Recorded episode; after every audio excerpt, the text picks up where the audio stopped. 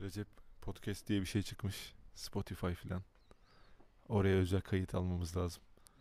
Senin bu davayı Kur'an'ı nasıl tanıdığınla alakalı konuşmanı rica edeceğiz. Heyecan yapmana gerek yok. Milyonlarca kişi dinlemiyor. Yeni bir platform. Ya bize yeni yani. Aslında uzun süredir var ama ilginç bir hikayem var diyorlar. Doğru mu? Evet abi. Ne oldu? Nasıl oldu? Vesveseli idin filan o kadarını biliyorum ben.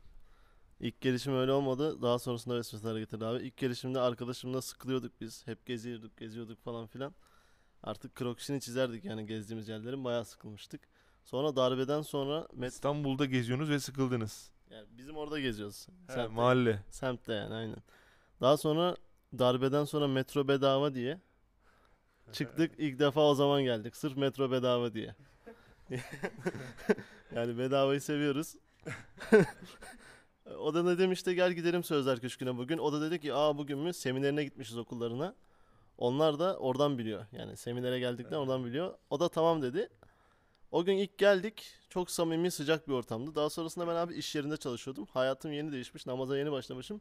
Helal aramı yeni öğreniyorum. O derece bilgisizim. Bu iş yerindeyken beni vesveseler bayağı aldı. Namazda, iş yerinde, işte evde, her yerde böyle kafamı gömüyordum abi. Saçımı kaşıya kaşıya, düşünceler, düşünceler. Vesvese ne onu bilmiyorsun. Ne tarz bir vesvese? Ameli vesvese mi? itikadi vesvese mi? Ameli vesvese biraz daha çok oldu. Daha doğrusu itikatta şöyle. Yaptığın bir hareketten dolayı işte sen küfre mi düştün, işte şirke düştün, işte şöyle böyle. Ben de çok korkuyorum böyle dinden çıkmak, şirk falan. Ürperiyorum yani.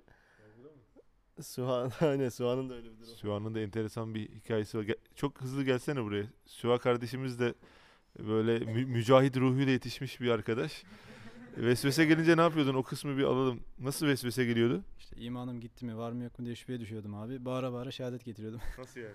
İşte eşe- evde yatakta mesela oturuyorum eşhedü en la ilahe illallah diye bağıra bağıra. Öyle imanın geri geldiğini zannediyorum ya.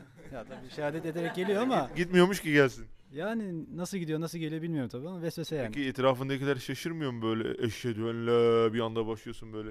Abim garipsedi bir kere ne yapıyorsun falan dedi böyle. Baktı oğlum ne yapıyorsun işte çekiyorum şehadet çekiyorum falan dedim. Anlayamadı tabii niye yapıyor. Ben de anlamıyordum aslında sonradan öğrendim. Vesvese bahsini öğrenince. Yani e, onu def etmek için ilim lazım diye. Bravo. Devam edelim. Recep sendeyiz. Daha sonra abi ben Risale-i Nur'larla tanıştıktan sonra ben daha o zaman Bediüzzaman kim, Risale-i Nur ne hiçbir şeyden haberim yok. Yani sağdan soldan 3-5 halim duymuşumdur Abdülkadir Geylan Hazretleri falan filan ama Bediüzzaman'ı camide bile duymadım yani ismini. O hiç tanımıyorum. Birden tanıdım işte eserlerini okumaya başladım. Çok kişi bana vesvese dersi yaptı, geldi işte anlattı falan ama ben öyle işlemiyordu. Yani ben şimdi hikmetini anlıyorum ki onlar işleseydi belki ben tamam vesveseden kurtuldun deyip gelip gitmelerim fazla olmazdı. Ama o vesveseler beni sürekli oraya getiriyordu. İşten çıkıp geliyordum sırf sorumun cevabını alayım vesaire diye. Daha sonra kendim okuduktan sonra bu ilim derya sanat aldıktan sonra Allah şükür hiçbir şey kalmadı. Yani artık vesveselerle ilgilenmeye başladım. O, o, o derece yani. Elhamdülillah. Yani işte böyle kafasında sorular olan ateist veya deist de olabilir, Müslüman da olabilir. Öyle arkadaşları genelde Recep ilgileniyor, o konuşuyor. Elhamdülillah. Böyle değişen hayatları ara ara konu alan podcastler yapalım diyoruz. Ee, Spotify'dan takip edersiniz arkadaşlar. Evet. Allah'a emanet. Hoşçakalın.